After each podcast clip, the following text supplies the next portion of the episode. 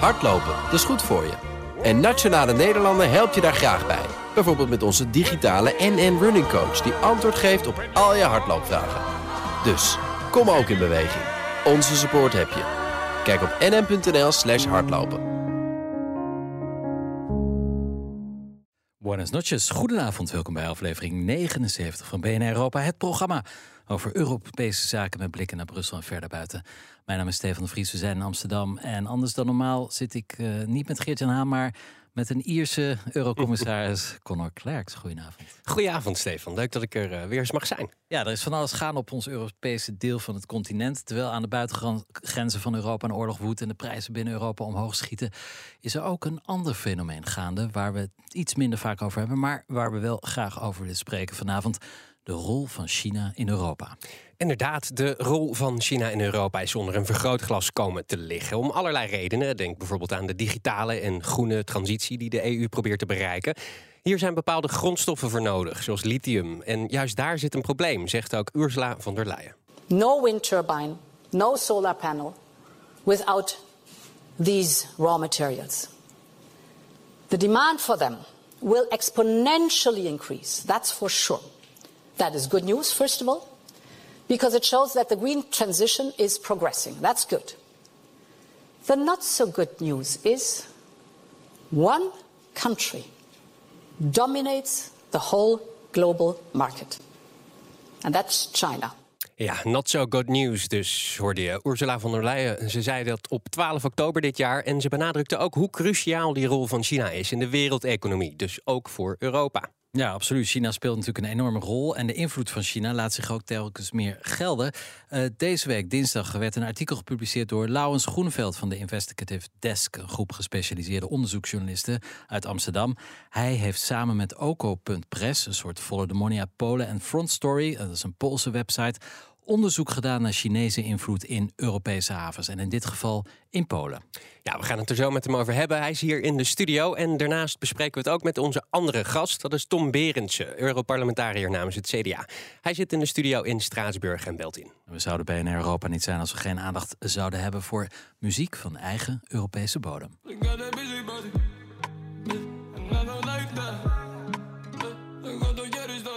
Enig idee, Connor, wat we hier nu hebben? Ik weet het niet, maar het klinkt wel lekker. nou, de lange versie, die hoor je zo. Dit is BNR Europa.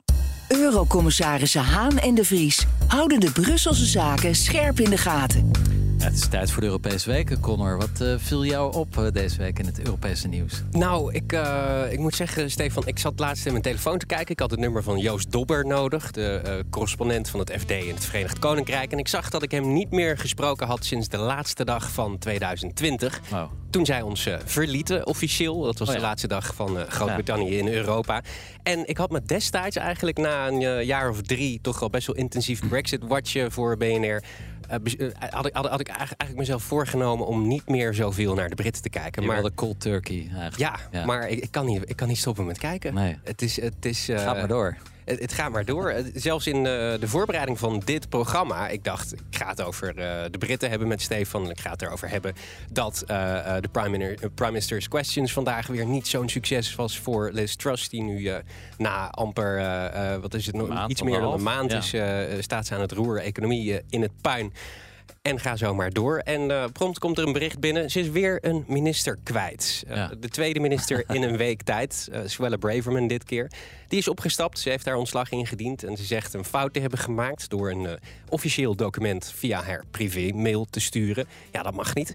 Um, maar ja, ze zegt uh, in haar verklaring, ze zet dan altijd tegenwoordig op Twitter zo'n afscheidsbrief. Hè? En uh, in haar afscheidsbrief staat dat ze zich zorgen maakt over de koers van ja. de regering. Maar ook dat als je een fout maakt, dat je dan zowel sorry zegt als opstapt. En dat is eigenlijk gewoon een gestrekt been op uh, zittend premier ja. Liz Truss. Ja, die zei van de week sorry, toch? Ja, die zei ik sorry. Heb wat fouten uh, gemaakt. Ja, ik heb wat fouten gemaakt. Daarom heb ik mijn uh, goede vriend en minister van Financiën de laan uitgestuurd voor beleid wat ik zelf, waar ik zelf campagne voor gevoerd heb. Hij is weg. We gaan het helemaal anders doen. Jeremy Hunt aangetrokken, nieuwe chancellor daar. Maar zelfs zit ze er nog af, af en toe. Want ja eerder deze week bijvoorbeeld uh, zou ze uh, vragen moeten beantwoorden van Keir Starmer. Dat deed ze niet. Ze had het uh, veel te druk, maar stuurde dus Penny Mordaunt, ook een van haar concurrenten, eh, om eh, de boel eigenlijk op te lossen, om de vragen te beantwoorden. Maar ging zelf daarna in het lagerhuis zitten kijken. Ja. Naar iemand anders die voor haar de urgent questions aan de premier beantwoordt. Hele rare zaken daar. Degene die ons eh, volgen op de video livestream feed, die zouden zien dat we allebei een grote grijns hebben. Ja, is Ehm, is, het, ja, absoluut Schadenfreude. Ja, het, is gewoon eh, Brexit, eigen schuld, dikke bul toch eigenlijk? Ja, een beetje wel. Het is, ja, als, als, je- als je het aan eh, een Britse conservatief zou vragen, heeft dit allemaal niets te maken met Brexit. Maar het heeft natuurlijk alles te maken met Ja. Brexit sinds dat referendum werd aangekondigd. En eh, vervolgens, eh, ik kan me nog goed herinneren waar ik was toen de stemming eh, binnenkwam. Ja. Dat ze daadwerkelijk uit de Europese Unie gingen stappen. Is het Ja. eigenlijk zijn met name de conservatieven daar gewoon het spoor helemaal bijster. Ja. Lijkt ook helemaal niet meer alsof ze bezig zijn met een land besturen. Ze hebben Nee. allemaal hele rare interne politieke spelletjes en, en gekonkel.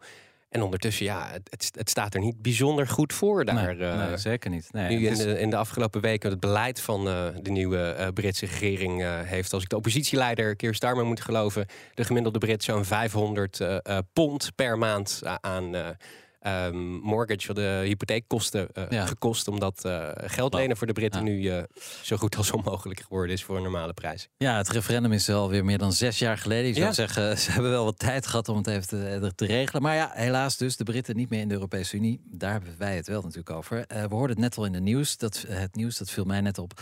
De Sakharovprijs, dat is de jaarlijkse prijs van het Europees Parlement voor de vrijheid van denken. Die gaat dit jaar collectief naar het Oekraïense volk. En dat zal wel weer tot uh, knarse tanden leiden in Moskou. Want vorig jaar ging de prijs naar Alexei Navalny. En het jaar daarvoor tegen de aan de, ging de prijs naar de democratische oppositie van Wit-Rusland. dus het Europees Parlement heeft een oogje op Rusland. Pas op daar in het Kremlin. Wat me ook opviel in het Europese we- eh, nieuws deze week... dat is minder goed nieuws voor eh, de grensstreek in Nederland. Althans, de coffeeshops in de grensstreek. Want het plan in Duitsland om cannabis te legaliseren is eh, gepresenteerd. Ehm, dat stond al in het regeerakkoord, maar nu weten we ook wat het gaat gebeuren. Ehm, zodra eigenlijk de regering dat plan ondertekent, is het al van kracht. En dat betekent dat aankoop en bezit van maximaal 20 gram cannabis door volwassenen in Duitsland niet meer strafbaar zal zijn. En het wordt ook legaal om thuis maximaal twee cannabisplanten te kweken. Dus dit- zijn ze dus eigenlijk liberaler dan wij Absoluut, met, eh, met absoluut. drugsbeleid. Ja, want daar wordt het legaal en in Nederland is het nog steeds illegaal. Maar misschien dat het wat eh, toeristen scheelt. In Amsterdam zijn ze misschien blij mee met dit plan. maar kunnen. dus ja, Duitsland, de grootste economie van de Europese Unie, eh, gaat cannabis legaliseren. Best wel een stap, want in, in, Zeker. Frankrijk eh, is dat echt eh, eh, taboe om het daarover te hebben. Ehm, maar goed, interessante ontwikkeling. Viel mij op in het nieuws van deze week. Ja, tijd voor ons hoofdverhaal dus van deze aflevering. De, de stille opmars, eh, soms niet zo stil, in, in onze economie. China investeert in infrastructuur, in havens door heel Europa... en verkrijgt hierdoor invloed op cruciale en strategische locaties. Moeten we dat wel willen eigenlijk? En te gast is Laurens Groeneveld van de Investigative Desk. Dat is een groep gespecialiseerde onderzoeksjournalisten vanuit Amsterdam. En tevens oud-collega hier van BNR. Welkom. Hoi. En eh, aan de lijn Tom Berendsen, Europarlementariër namens de Europese Volkspartij, CDA. Deze week in Straatsburg. Welkom. Ja. Hallo. Ja, hartelijk welkom allebei. Ehm, ja, we hadden het net al eventjes eh, over de Chinese invloed in Europese havens. En in specifiek gezien eh, in Polen. Eh, de tweede haven van het land, Gdynia, ik weet niet of ik het goed uitspreek, Laurens, ehm, is nu eh, in handen van de Chinezen. Althans, een, een deel daarvan. Als Een deel, ja. ja. Ehm, ja, om maar een eenvoudige vraag te stellen. Wat is, wat is het probleem eigenlijk? Nou, ehm, je moet je bedenken, het zijn eh containerterminals waar we het over hebben. En dat Ja. zijn ehm, delen van de havens die worden eigenlijk geleased nou ja, aan Chinese bedrijven of Europese bedrijven. Ehm Gdynia is interessant omdat in het, het noorden van Polen, eh, Baltische Zee, en dat is eigenlijk sinds de toetreding van Finland en Zweden tot de NAVO, of dat is nog gaande, maar waarschijnlijk wordt dat wel eh, Mhm. rondgebreid, is dat een, een NAVO-zee geworden. En je ziet dat daar voortdurend allerlei eh, Amerikaanse marineschepen opduiken. Ehm, die haven speelt een cruciale rol voor de aanvoer van ehm, Amerikaans eh, materieel, soldaten en goederen voor de verdediging van de oostflank van de NAVO. En ehm, die haven, net als Rotterdam en Antwerpen-Zeebrugge, die is dus eigenlijk, kun je zeggen, een soort cruciaal punt voor de NAVO als wij ons willen verdedigen tegen Rusland. En daar zeggen experts over, als je het hebt over sabotage, als je het hebt over uh, spionage, uh, economische afhankelijkheid die kan worden gebruikt om je dus uh, um, die haven eigenlijk te ontnemen, om die aan, aanvoerroute af te snijden, zoiets. Ja. dat, dat kan allemaal gebeuren als je daar dus een buitenlands mogendheid zoals China te veel macht geeft. Ja, ik moest even opzoeken op de kaart, maar het ligt dus vlakbij Gdansk, de andere grote havenstad, waar eh, Solidarnosc eh, ontstond. Maar vooral viel mij op in een soort baai recht tegenover Kaliningrad, tegenover Rusland. Ja, min of meer. Ja. Dus dat, dat maakt het extra... Extra uh, gevoelig. Extra ja. gevoelig, ja ja. Um, is deze haven, speelt u, je zegt er duiken veel Amerikaanse schepen op. Speelt hij nu op dit moment een rol in de, in de oorlog? Ja, absoluut. Je ziet dus dat uh, toen de Zwarte Zee werd afgesloten, toen uh, werd het graan vanuit Oekraïne naar Polen verstuurd en deels verscheept vanuit Gdynia. Je zag in um, juni uit mijn hoofd zag je een enorme beweging van Amerikaanse troepen en materieel daar. Omdat dus die, um, die battlegroep van de Amerikanen die in Polen gestationeerd is, die roteert steeds. En uh, de uitvoer en invoer daarvan gebeurt dus deels via die haven. Daarnaast zie je dat dus sinds de oorlog is uitgebroken... er al vier keer een groot marineschip is aangemeerd. In september nog lag er een helikopterdekschip. Nou, dat -hmm. is echt een gigantische unit, zou ik maar zeggen, die daar dan ligt.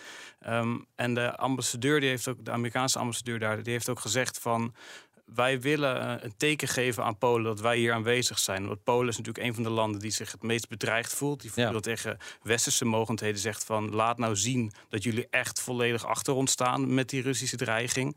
En de Amerikanen die doen er dus heel veel aan om onder andere dus via Gdynia uh, Polen gerust te stellen eigenlijk. Ja, en wat, wat heb jij allemaal ontdekt uh, voor je artikel?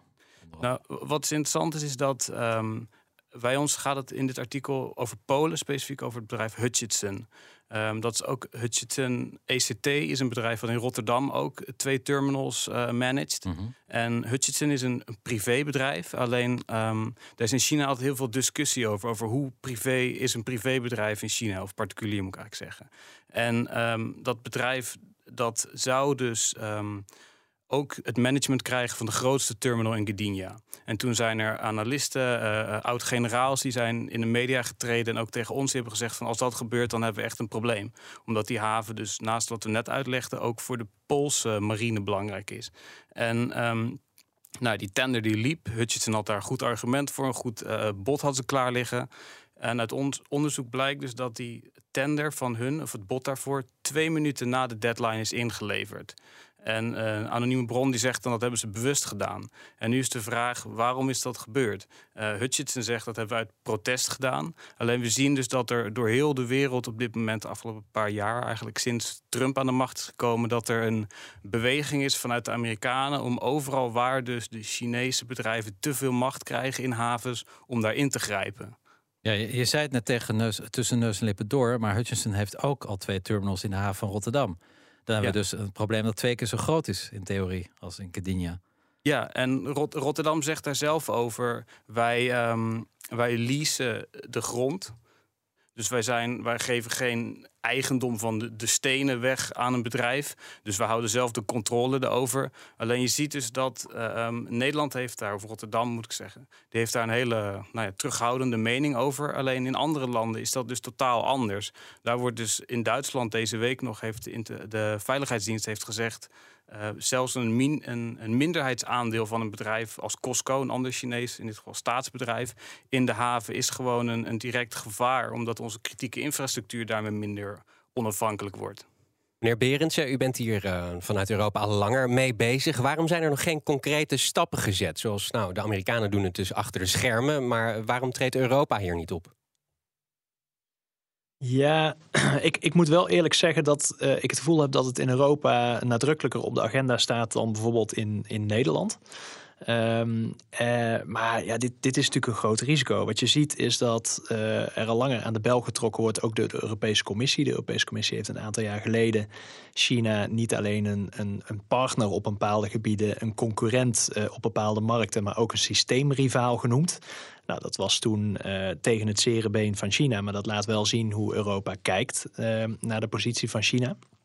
Ehm, maar dat er nog veel meer moet gebeuren om Chinese partijen te weren uit strategische sectoren en uit kritieke infrastructuur, dat mogen duidelijk zijn. Ehm, en jullie hadden het net over Rotterdam. Uh, daar heb je inderdaad, Hutchison heeft uh, terminals in bezit. Maar ook Costco heeft 30% mm. van de haven in, in handen volgens mij. Ja, als je dat bij elkaar optelt, dan maakt het niet uit of dat het de grond geleased wordt en ze geen eigenaar van de steden zijn. Ze zijn eigenaar van belangrijke dingen die ervoor zorgen dat wat, wat, wat er in de haven gebeurt. Want wat eruit gaat. En die afhankelijkheid mogen wij op dat soort strategische plekken niet hebben. Want ook Rotterdam heeft een belangrijke rol voor de NAVO. En Rotterdam heeft een essentiële rol voor de economie van Europa. Wat nog wel interessant is om eraan toe te voegen, is als je dus kijkt waar hebben uh, Chinese bedrijven allemaal investeringen gedaan. Mhm. Het gaat om uh, eh, 96 havens wereldwijd. En het gaat om 22 havens in Europa. Dus we hebben het nu over Gdynia, over Antwerpen, Zeebrugge, over Rotterdam. Maar dit speelt ook in Spanje, dit speelt in Italië, dit speelt in Frankrijk. En je ziet eigenlijk langs de hele kustlijn van, uh, um, nou, van Europa eigenlijk. Behalve dan rond die Baltische Zee, daar is nog wat minder. Daar zie je gewoon dat die Chinese bedrijven een steeds groter aandeel krijgen in uh, de containeroverslag van eigenlijk alle belangrijke havens. Ja, hoe is het te verklaren dat ze in Rotterdam uh, daar redelijk nuchter over zijn? Nou, wat er meespeelt in Rotterdam en ook in Zeebrugge is economische afhankelijkheid. Um, er wordt gezegd dat als jij nu een containerterminal wil runnen in Europa, dan kun je eigenlijk niet zonder China. En je ziet dat in Rotterdam ongeveer een, kwart van alle uh, containers die binnenkomen of die eruit gaan, die gaan richting China. Dus dat is één land. In Antwerpen, Zeebrugge is dat 40 procent. En uh, er zijn dus ook experts die zeggen van... Um, er is eigenlijk zo'n harde concurrentiestrijd gaande... dat je als haven ook wel moet oppassen... Uh, om daar te kritisch over te zijn of daar tegenin te gaan. Want dan gaan die Chinese bedrijven gewoon naar een andere haven. En dan raak jij dus de, de economische winst ervan, die raak je kwijt. Meneer Berendje, wat kan je vanuit uh, Europa doen om, om die economische afhankelijkheid tegen te gaan? Want het, het klinkt eigenlijk een beetje alsof uh, we niet zonder kunnen. Maar je zou denken, daar valt wel een mouw aan te passen. Nou ja, zeker. en ik denk dat, dat dat ook lang fout is gegaan in Nederland en ook in andere delen van Europa. Dat um, ja, als je alles aan de markt overlaat, dan kom je in deze uh, afhankelijkheid terecht. Dat hebben we ook gezien met uh, energie vanuit Rusland. Als je alles aan de markt overlaat, ja, dan uh, kom je in een afhankelijke situatie die uiteindelijk als wapen tegen je gebruikt kan worden. En dat zien we hier met China ook. En uh, ja, de strategie om, om allerlei alarmsignalen te negeren en, en maar het beste ervan te hopen, dat hebben we gezien dat bij Rusland dat duidelijk niet heeft gewerkt. Dus er staat te veel op het spel. De Europese Unie moet zelf regie nemen. En ja, op dit gebied moet je er dus voor zorgen dat op het gebied van kritieke infrastructuur, dus bijvoorbeeld havens, uh, maar ook in heel veel andere uh, sectoren op het gebied van uh, energie, 5G-netwerken, scanners die wij in de haven van Rotterdam hebben staan of op Schiphol hebben staan. Kijk, overal zie je die, die Chinese invloed groeien. Um, en ja, we moeten stoppen met naïef te zijn. En we moeten beseffen dat de Chinese agenda echt een andere uh, ons belang, om het zo maar even te zeggen. China wil gewoon in 2049 uh, de dominante speler in de wereld zijn. Maar dan wel volgens haar waarden. Ja. Uh, en dat zijn niet de onze. Ja. Rechtsstaat, vrije pers, democratie, mensenrechten. Ze denken er totaal anders over. En dat betekent dat we moeten stoppen met naïef zijn. En dat betekent dat we uh, Chinese bedrijven zullen moeten gaan weren uit uh, strategische sectoren bijvoorbeeld. Maar ja, als we noemde, dus dan, ja, sorry. U noemde al uh, Huawei, hè, 5G. In, als we kijken naar bijvoorbeeld de Britten, die hebben net um, een besluit moeten op de lange baan moeten schuiven om Huawei helemaal uit het 5G-netwerk te weren. Dat kost letterlijk jaren, iets van vijf, zes jaar hebben ze daar nog voor op de planning. Kun, kun je vanuit Europa wel snel schakelen nu? Um, wat wij kunnen leren van China is iets meer aan de lange termijn denken. Dus ik snap dat dingen die we in het verleden gedaan hebben, dat veel geld kost om die nu te veranderen. Het beste wat we kunnen doen is langer vooruitkijken en zorgen dat we niet dezelfde afhankelijkheid meer gaan creëren. Na 5G komt bijvoorbeeld 6G. Nou, laten we zorgen dat we daar uh, volledig op Europese en andere partners kunnen uh, uh, steunen en, niet meer op Chinese bedrijven. Op dit moment voor 5G-netwerken in Europa zijn zes van de acht grootste leveranciers van, van de infrastructuur. Um, dat zijn partijen van buiten de Europese Unie. Dus het betekent ook iets voor wat willen wij met onze eigen industrie doen. En hoe stimuleren we die? En hoe zorgen we ervoor dat als uh, overheden dingen aankopen met publieke aanbestedingen, Ehm, dat eh, we ook gaan kijken naar hoe zorgen we ervoor dat we daar Europese partijen voor inhuren. Ook al zijn die misschien net ietsje duurder. Uh, maar niet die goedkope Chinese spullen waarmee we ons alleen maar meer afhankelijk maken. U heeft deze week vragen ingediend bij de Europese Commissie. Um, wat, wat, heeft u, wat wilt u weten eigenlijk van de Commissie? Ik wil weten hoe. Um, de Europese Commissie zelf kijkt naar deze situatie. Uh, gezien uh, het feit dat dit, uh, nou ja, zeker op dit moment in oorlogstijd, oorlog op ons continent, militair gezien ook nog een belangrijk punt is. dat is één. Twee, of dat de Europese Commissie een overzicht kan geven van de invloed van Chinese partijen Europese havens. En dat hoort u wellicht al aan mijn stem. Ik zeg dat met een glimlach, want heb ik op veel, veel gebieden al eerder gesteld. En de, en de Europese Commissie heeft dat in zich niet. Dat ligt overigens niet aan de Europese Commissie. Dat ligt eraan dat de lidstaten onderling niet hebben afgesproken om die data te verzamelen en die vervolgens ook te delen. En het derde wat ik nog op tafel leg voor de Europese Commissie is: kunnen we garanderen dat hier geen Europese fondsen bij gebruikt worden? Want op het moment dat er geïnvesteerd wordt in infrastructuur uh, en in onze uh, uh, nou ja, verbindingen, dan zijn daar vaak ook nog wel Europese potjes voor beschikbaar. ja, laten we er alsjeblieft voor zorgen dat we geen Europees belastinggeld inzetten om Chinese partijen dingen te laten aanleggen en de positie van Chinese partijen te versterken. Dus daar hoop ik binnenkort antwoord op te krijgen. Geert-Jan Haan en Stefan de Vries. Je luistert nog steeds naar BNR Europa vanuit de BNR-studio in Amsterdam. We praten over de Chinese invloed in Europese havens en andere infrastructuur. En dat bespreken met onze gasten um, en hier in de studio in Amsterdam. Journalist Laurens Groeneveld uh, van de Investigative Desk. En Tom Berendsen, hij zit in Straatsburg. Hij is Europarlementariër voor de EVP namens het CDA. Um, ja, we hadden het net over Polen, over havens, de Chinese invloed. Um, is er nu een specifieke reden, Laurens, dat, dat China nu actief is in, in Polen? Nou ja, je ziet, uh, als je het over Polen specifiek hebt, is dat Polen een van de, wat Xi Jinping dan tegen de Poolse president heeft genoemd, een, een prioriteitspartner is. Je ziet dat uh, de Poolse president was als een van de weinigen aanwezig bij de Olympische Spelen dit jaar. -hmm. Investeringen van China in Polen zijn ook behoorlijk groot. 2020 was het na Duitsland en uh, Frankrijk de belangrijkste bestemming daarvan. Um, en bij, dat, je kan natuurlijk niet helemaal hard maken, maar het lijkt erop dat het investeringsklimaat voor de Chinezen in Polen gunstiger is dan in andere landen op dit moment in Europa. Oké, dus je, je bezoekt even de Olympische Spelen, wat al dubieus is, en je krijgt er ook nog een beloning voor. Ja, nou, het speelt natuurlijk langer. Polen is ook lid van het, uh, dat, het forum. Ik weet niet precies hoeveel er nou in zitten. Zes, is het inmiddels 14 plus 1?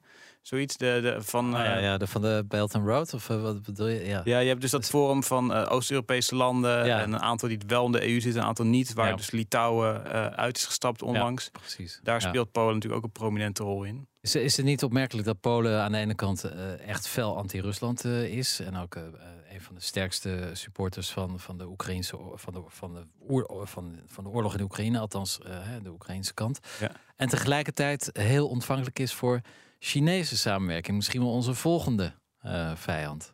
Ja, ja, hoe heet het? De, de, de baas van de Duitse inlichtingendienst die zei ook: hè, Rusland is een storm en uh, China wordt uh, de klimaatverandering als we het hebben over de aanwezigheid in onze economie.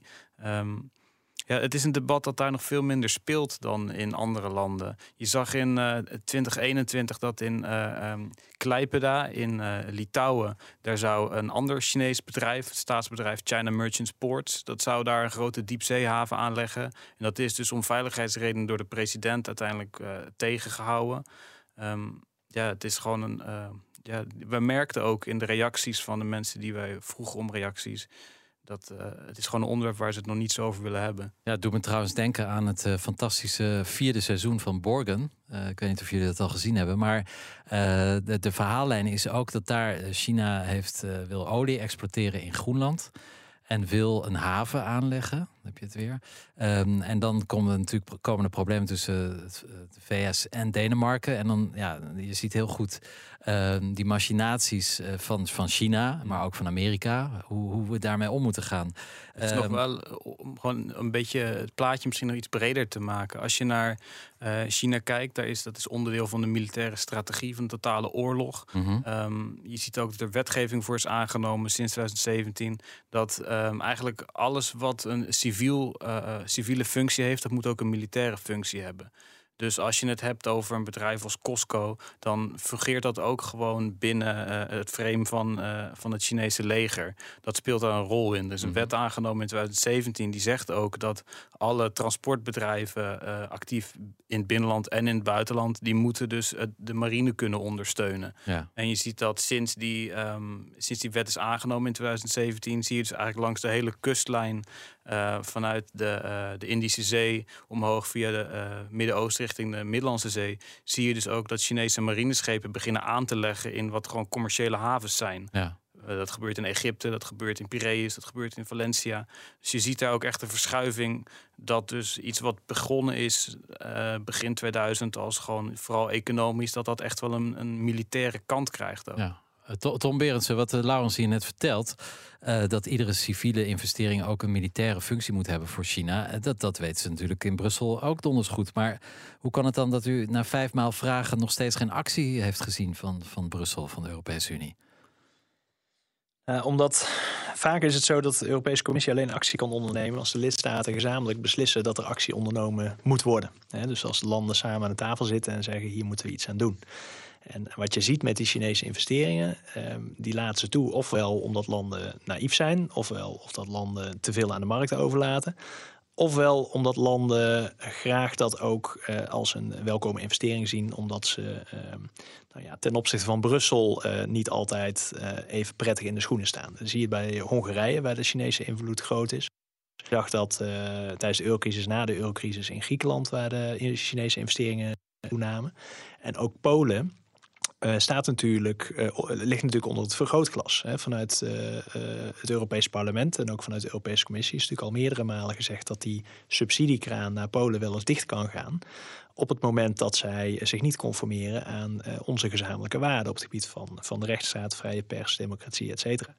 En uh, wat kun je dan als land doen? Ja, dan kun je de deur openzetten voor uh, andere investeringen, bijvoorbeeld vanuit China. Waarmee je dan ook kan schermen richting Brussel. Van ja, jongens, jullie kunnen ons wel op de vingers stippen, maar dan gaan we gewoon ergens anders naartoe. En het allerbelangrijkste, de allerbelangrijkste kracht van de Europese Unie is, is eenheid en samenwerking. En nou ja, Rusland heeft natuurlijk al vaker geprobeerd om ons uit elkaar te spelen. Dat doen ze nu ook. Uh, en China zal dat ongetwijfeld ook proberen. Want uh, ja, hoe, hoe, minder sterk wij gezamenlijk staan, hoe beter dat is voor machten die uh, andere plannen hebben met de wereld dan wij hebben. Maar ligt er dan niet ook verantwoordelijkheid bij die andere lidstaten of bij Brussel, zo je wil, dat eigenlijk die landen die, ja, om het maar oneerbiedig te zeggen, het pispaaltje zijn van Europa, die, die stappen naar China toe, want China zegt geld zat, we bouwen het wel voor. Is dat niet gewoon logisch? Nou, weet ik niet. Ik, ik weet niet of dat het logisch is. Het is uh, ik, ik denk dat het vooral heel onverstandig is voor de langere termijn. Het is allemaal korte termijn denken. En uiteindelijk uh, moeten we denken aan de lange termijn. Hoe zorgen we ervoor dat we als Europa onze positie in de wereld houden? Uh, ja, met verschuivende panelen. Je ziet grootmacht China, de VS, waar ik me grote zorgen over maak. Want daar zullen we in de toekomst ook niet altijd meer op kunnen rekenen. Net zoals in het verleden er niet altijd op hebben kunnen, kunnen rekenen. Maar op het gebied fancy leunen we natuurlijk zwaar op de, op de VS. Um, ja, er is geen enkele garantie dat dat volledig gepolariseerde land uh, ons in de toekomst op dezelfde manier gaat steunen.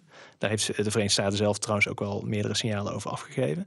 Dus ja, wij, wij zullen echt samen, um, uh, samen sterk moeten staan. En, en, dit soort acties voor de, voor de ja, korte termijn gedachten van verschillende landen, ja, daar moeten we elkaar op aanspreken. Tegelijkertijd zie je ook wel dat de Europese Commissie daar waar ze de mogelijkheden hebben ook wel echt met plannen komt om die Chinese invloed uh, in te perken. Ik had al uh, gezegd. Hè, ze, ze benoemen het ook als systeemrivaal. Uh, maar er is inmiddels wetgeving om uh, overname. buitenlandse investeringen onder de loep te nemen. Er is wetgeving om bijvoorbeeld op kritieke grondstoffen nu eindelijk actie te gaan ondernemen. we zijn voor 90% van de zeldzame aardmetalen zijn we afhankelijk van, van China. Voor 60% van de lithium voor onze batterijen zijn we afhankelijk van China. Dus daar worden ook, daar worden ook stappen gezet.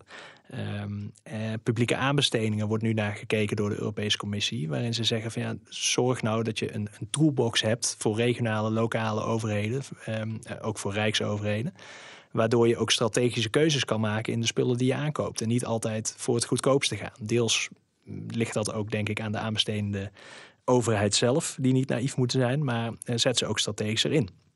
Ehm, dus het ligt er wel degelijk op tafel. Er komen steeds meer voorstellen om daarmee aan de slag te gaan. Maar uiteindelijk staat of valt dat natuurlijk wel bij de implementatie en de uitvoering door de lidstaten. En als die een andere agenda hebben, ja, dan zullen we elkaar daarop moeten aanspreken. Ja, Laurens, je, je wilde daarop reageren. Ja, nou, wat nou interessant is als je het over Amerika hebt en uh, hoe wij op hun kunnen leunen eh, voor onze veiligheid.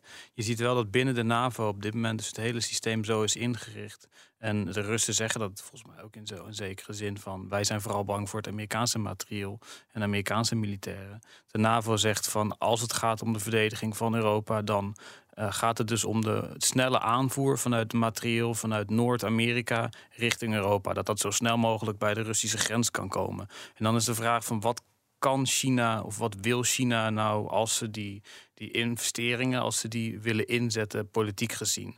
En dan zie je dus dat experts eigenlijk twee dingen zeggen. Die zeggen enerzijds. Um, ze zijn een gelegenheidspartner van Rusland. Nou ja, je ziet dat ze wel afstand beginnen te nemen van Rusland. Maar in die oorlog met Oekraïne staan ze nog steeds wel meer aan de Russische zijde dan aan de westerse zijde. Hm. Dus als het puntje bij paaltje komt, zouden ze misschien kunnen gaan traineren via bureaucratie.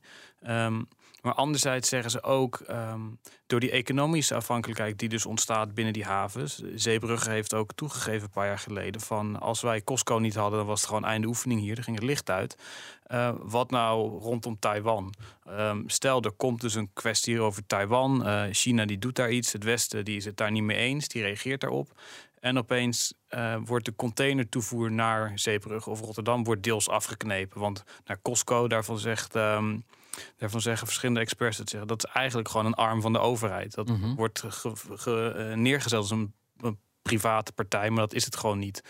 Um, en dan heb je natuurlijk, dat is ook wel interessant van, voor Europa, van wat gaan we daar dan mee doen? Stel ze knijpen opeens de container toevoer naar Europa af. Ja, ja. Uh, meneer Berendsen, um, ja, landen in Europa reageren verschillend op de Chinese invloed in Europese havens. U zei net, we moeten niet naïef zijn. Uh, we moeten elkaar uh, aanspreken op, op het handelen met China. Um, daar ja, valt weinig tegen in te brengen. Tegelijkertijd, volgende maand een bezoek van bondskanselier Olaf Scholz aan Beijing. Een paar dagen later, Emmanuel Macron, de Franse president, ook in november naar Beijing. Um, want ja, er moet natuurlijk wel Duitse en Franse waar verkocht worden aan de Chinezen. In hoeverre zijn we dan echt serieus bezig om uh, onafhankelijk te worden van China? Nou, kijk, ik, ik denk dat een, een, normale verstandhouding tussen, tussen de Europese Unie en China uh, is ook belangrijk voor onze economie, is al zeker belangrijk voor, voor de wereldwijde veiligheid. Um, maar waar we voor moeten uitkijken is, is die ongezonde afhankelijkheidsrelatie die, die nu is ontstaan. Hè? Ik bedoel, uh, China wil gewoon een dominante superstaat worden en de rest van de wereld afhankelijk maken van hen. Chinese bedrijven worden ook aangemoedigd om te investeren in, in strategische sectoren in het buitenland. In energie, telecom, havens en spoor.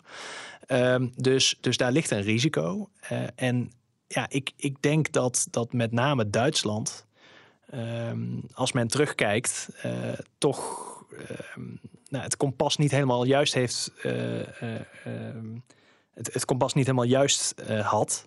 Als het gaat ten opzichte van China, overigens ook als het gaat ten opzichte van Rusland. Hè. Duitsland heeft altijd gedacht: als we handel drijven, dan nemen ze onze waarde wel over. Nou, met Rusland is gebleken dat dat absoluut niet het geval is. En met China uh, ja, moet ik ook af en toe uh, flinke gesprekken voeren met mijn Duitse collega's. Die uh, ja, af en toe toch vooral auto's willen verkopen in China. Maar dat is korte termijn gedachte. Dat is ook het individuele belang van een specifieke sector of specifieke bedrijven. En wat mij betreft gaat het gemeenschappelijk belang, zeker nu en eigenlijk altijd, boven het belang van individuele bedrijven. En daar hebben we met de Duitsers eh, en ook soms wel met, eh, met de Fransen, eh, en moeten we daar flinke gesprekken voeren. Ja, u heeft uh, rondom dit onderwerp nu vragen ingediend. We weten wat u graag zou willen. Wat denkt u dat er gaat gebeuren concreet binnenkort? Wat ik hoop.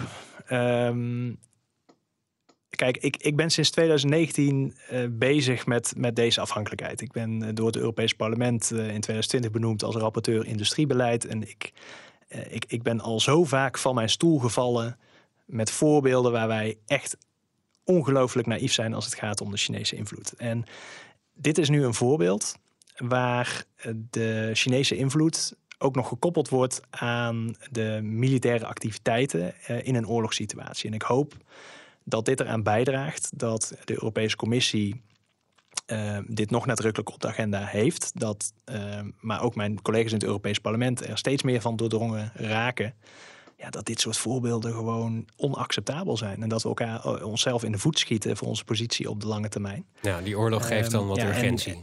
Die, die, ja, die, die geeft urgentie. Die zet misschien ook nog weer in een andere daglicht. Hè? Want nu gaat het niet om alleen economische veiligheid, eh, maar ook om militaire eh, veiligheid. En, en, en de rol van de NAVO, of de, de rol van de haven voor de, voor de NAVO. Ik denk dat dat allemaal helpt. Eh, het zal zeker niet het laatste voorbeeld zijn waarin wij blijken te naïef te zijn. Maar ieder voorbeeld helpt om ehm, nou ja, het bewustzijn te vergroten en ervoor zorgen dat we echt stappen, stappen zetten. Ja, ja maar eh, met een bezoek volgende maand eh, aan China, eh, Macron en Scholz, die zijn dan kennelijk naïef. Waarom is er niemand in, in de, van de andere eh 25 regeringsleiders die zegt: hé hey joh, eh, jullie zijn een beetje naïef? Nee, maar ik vind niet naïef dat zij een bezoek aan China brengen. Maar wel, op het ze- dat je ze- samen wel aan met- tafel zit. Ja, maar dat doen ze dus niet. Hè? Ze gaan niet samen, ze gaan niet uit naam van Europa. Ze zitten daar om Franse spullen te verkopen, om Duitse spullen te verkopen. En, en ja, de rest is eigenlijk. eh, die, die reis is waarschijnlijk, in ieder geval in het geval van Scholz, tot stand gekomen onder druk van het Duitse bedrijfsleven. Dus eh, ja, is, is dat niet naïef? Of is dat gewoon realpolitiek?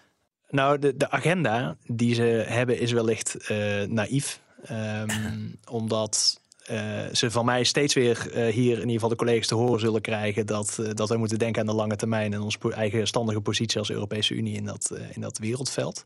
Maar ik vind het niet naïef dat eh, regeringsleiders eh, naar eh, zo'n dominante en grote staat als China afreizen om in gesprek te gaan daar. Eh, die relaties eh, die, die blijven belangrijk. Je moet elkaar niet terug toekeren. Dus dat vind ik niet naïef. En wellicht kun je dan ook op bepaalde gebieden dingen op tafel leggen om met de Chinezen te, te bediscussiëren. Dat, dat kan ook nooit kwaad. Eh, maar het gaat er vooral om hoe positioneren we ons als Europese Unie ten opzichte van China. En daar kunnen we echt nog wel wat stappen zetten. Ja, nog een vraag aan eh, Laurens. Eh, dit is de eerste publicatie uit een serie die je maakt. Wat, wat kunnen we nog meer verwachten? Ehm, nou ja, het is, ehm, we weten inmiddels dat de Amerikanen een hele ehm, reeks van dat soort overeenkomsten hebben. Wat ze hebben met Gdynia, wat ze hebben met Rotterdam en Antwerpen Zeebrugge. Dus het doel is eigenlijk om gewoon te kijken welke van die havens spelen op dit moment een cruciale rol. Mhm. Eh, richting Oekraïne, richting het versterken van die oostflank van de NAVO. Om gewoon te kijken hoe het in die havens zit. En daarnaast ehm, toch nog iets meer eh, uitdiepen wat er nou in Nederland aan de hand is. Want het is toch vreemd dat Nederland als handelsland, waar ook die haven juist zo belangrijk is voor de aanvoer, ook van andere dingen dan containers als het gaat om energie, ehm, dat ik toch het beeld krijg dat wij daar echt wel eh, een beetje zitten te slapen. Ja, slapen of zijn we eh, hartstikke wakker en weten we heel goed Dat we bewust slapen. Ja, Dat, dat, dat we dit gewoon nodig hebben. Of, of denken van, nou ja, money is money, kom maar binnen. Ja, dat zou ook, maar dat is ook interessant als we dat naar boven kunnen halen. Dat is blijkt dat Nederland toch gewoon zegt van ja, die economische belangen die zijn op dit moment gewoon belangrijker dan de vraag of onze kritieke infrastructuur eh, eh, straks misbruikt kan worden door een buitenlandse mogendheid. Ben, ben je tegengewerkt door China? Heb je iets gemerkt van eh, bepaalde inmenging toevallig? Of eh, Ehm. maakte je telefoon een raar geluid? nee, dat viel mee. nee? Heb je, heb je niks, Nee. geen contact gehad met Chi- Chinese Nee. officials? Ook niet? Nou ja, we hebben natuurlijk wel reacties gevraagd. Ja. Alleen je merkt sowieso dat China natuurlijk over dit onderwerp heel voorzichtig is. Hè? Eh, Xi Jinping heeft daar wel eens wat over gezegd op Davos toen hij Mhm. daar eh, de laatste keer was. Ehm, maar daar spreekt ze in hele algemene termen. En zij zien, of China ziet het eigenlijk als onderdeel van die hele handelsoorlog met eh, de Amerikanen. Maar ik denk dat eh, ehm, nou ja, als ze een reactie zouden geven, dat ze toch wel behoorlijk pissig zouden zijn. Omdat eh, wat ik al zei, dit speelt. We hebben het nu over Europa, maar dit speelt wereldwijd. Ja. Dit gebeurde in de Filipijnen, dit gebeurde in. eh, ehm, eh, dit, dit speelt ook rondom het Suezkanaal, dit Mhm. speelt rondom het Panama-kanaal. Dit is echt overal een debat. En overal zie je dus als China denkt, nou ja, dit is een haven die wij vanuit ons oogpunt willen gebruiken, economisch misschien of misschien wel militair, dan komen die Amerikanen daar weer op van, jongens, laat die Chinezen niet binnen. Wel grappig dat je het Suezkanaal eh, noemt, want dat is natuurlijk eh, voor eigenlijk hetzelfde soort voorbeeld, ooit door de Britten en de Fransen ge- Ja. ge- aangelegd. En toen zijn ze eruit geschopt. Ehm, maar dat is een ander verhaal. Eh, je verhaal is verschenen in het Pools deze week, deze Ja. maand. Komt het ook ergens in Nederland nog zijn we nog lezen? bezig. Oké, Maar het is ook in het Engels te lezen op een Poolse site. In. Oké, en is die, de, we zullen het adres van die site in onze show notes eh, zitten, zetten. Ik dank jullie in ieder geval eh, voor nu. Laurens Groeneveld eh, van de Investigative Desk, een groep gespecialiseerde onderzoeksjournalisten vanuit Amsterdam. En in Straatsburg, in het gebouw van het Europees Parlement, hadden we Tom Berendsen, Europarlementariër voor de Europese Volkspartij. De nummer 1 in Ja, zoals elke week, uh, Connor, laten we nummer 1 hit horen uit een van de Europese lidstaten. En dit keer uh, vond ik dit.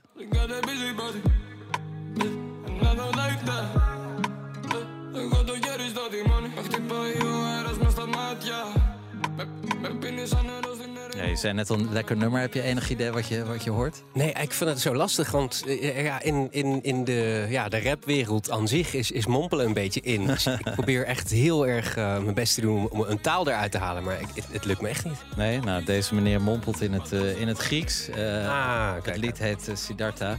Um, en de artiest heet Emino, Erimo, sorry. deze week dus in Athene, Thessaloniki. Schalt dit overal uit de luidsprekers. het grappige is dat eigenlijk eh, als je al die nummers terugluistert die we zo selecteren... en die je dus kunt terugluisteren in onze playlist op Spotify... dan lijkt het eigenlijk allemaal op elkaar. Maar in geen enkel land staat een ander nummer uit een ander land uh, op nummer 1. Dus het is allemaal ieder voor zich. Het lijkt dus wel de Europese Unie. Uh, maar eigenlijk lijken ze allemaal op elkaar. Goed, al die nummers één, uh, dus op onze playlist. Even zoeken op BNR nummer 1. En uh, reacties op dit programma zijn welkom per e-mail op europa.bnr.nl of via Twitter op @bnreuropa. Ja, voor nu uh, dank voor het luisteren. Volgende week is BNR Europa er natuurlijk weer. Dan als vanouds met Geert-Jan Haan op deze plek. À la prochaine. Ciao. Hardlopen, dat is goed voor je. En Nationale Nederlanden helpt je daar graag bij. Bijvoorbeeld met onze digitale NN Running Coach... die antwoord geeft op al je hardloopvragen. Dus, kom ook in beweging. Onze support heb je. Kijk op nm.nl slash hardlopen.